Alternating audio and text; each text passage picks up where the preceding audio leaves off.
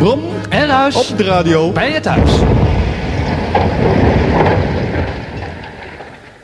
Het anarchistische KRO-programma Rauwfase werd uh, eind jaren 70, begin jaren 80 gemaakt. Ik moet zeggen dat ik daar echt een grote fan van was als, als jongetje. Uh, want dat was echt radio. Gemaakt door het duo Brom en Ruis natuurlijk. En de presentator Hans Wijnands.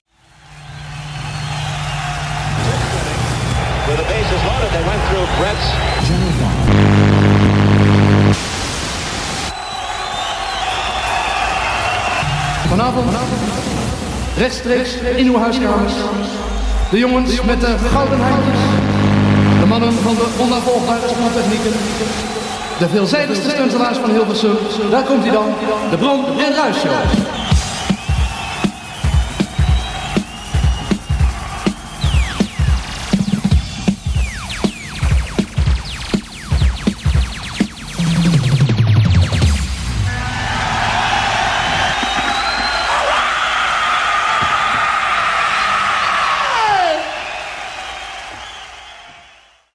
aflevering 95 van de Brom en Ruis Show. In de vorige aflevering bleek dat Jan ziek was en dat ik het alleen moest doen. We praten over 1980, het is niet vorige week, het is 1980. Maar Jan was snel weer opgeknapt en wat bleek, ook hij wilde graag, net als ik, een radio-essay brengen met een onderwerp waar hij al lang mee in zijn hoofd liep. Wat het is? Geen idee. Jans cultureel.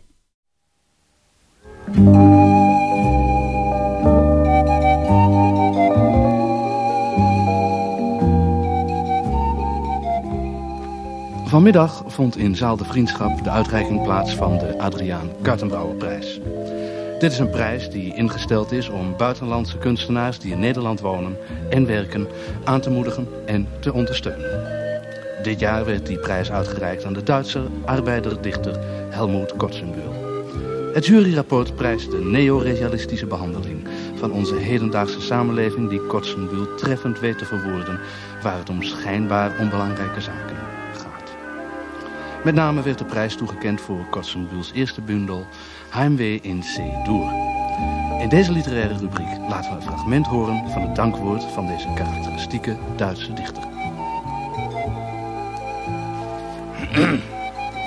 Ik wil als eerste de jury bedanken voor het lovende rapport dat zij over mij geschreven hebben. Ik heb ook begrepen dat de prijs die ik vandaag mag ontvangen vooral voor mijn eerste bundeltje is. Dat bundeltje heet Heimwee in C-Dur en zal binnenkort ook in een Nederlandse vertaling te bekomen zijn.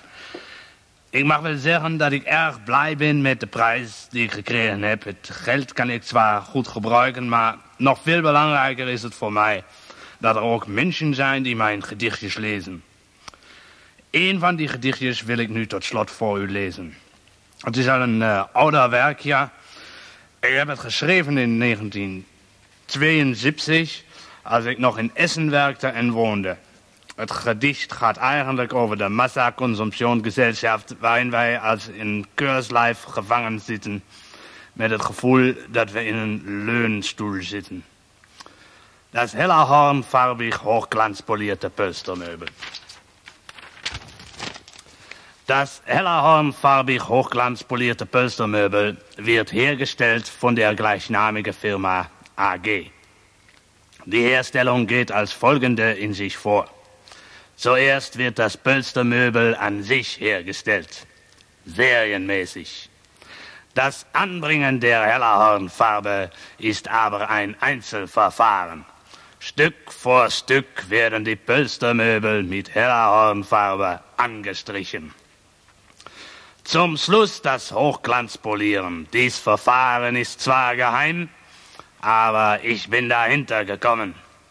Man soll nur sehr gut putzen und dann bekommt man das berühmte hellerhornfarbig hochglanzpolierte Pölstermöbel. Dank u wel.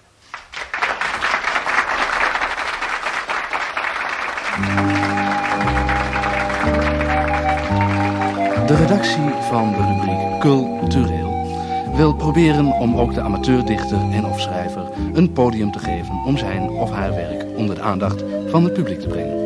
Gedichten, verhalen en andere uitingen van literair bezig zijn kunnen worden opgestuurd naar voorheen Garage de Vriendschap, postbus 9000 in Hilversum.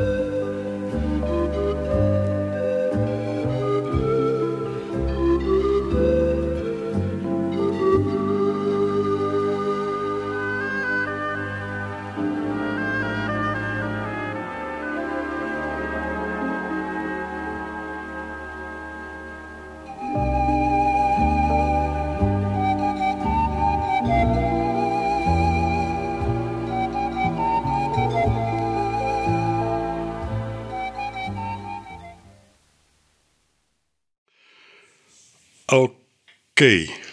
Ik kijk even naar Jan. Ja, dit was het. Tot de volgende week. Brom en ruis Op de radio. bij je thuis.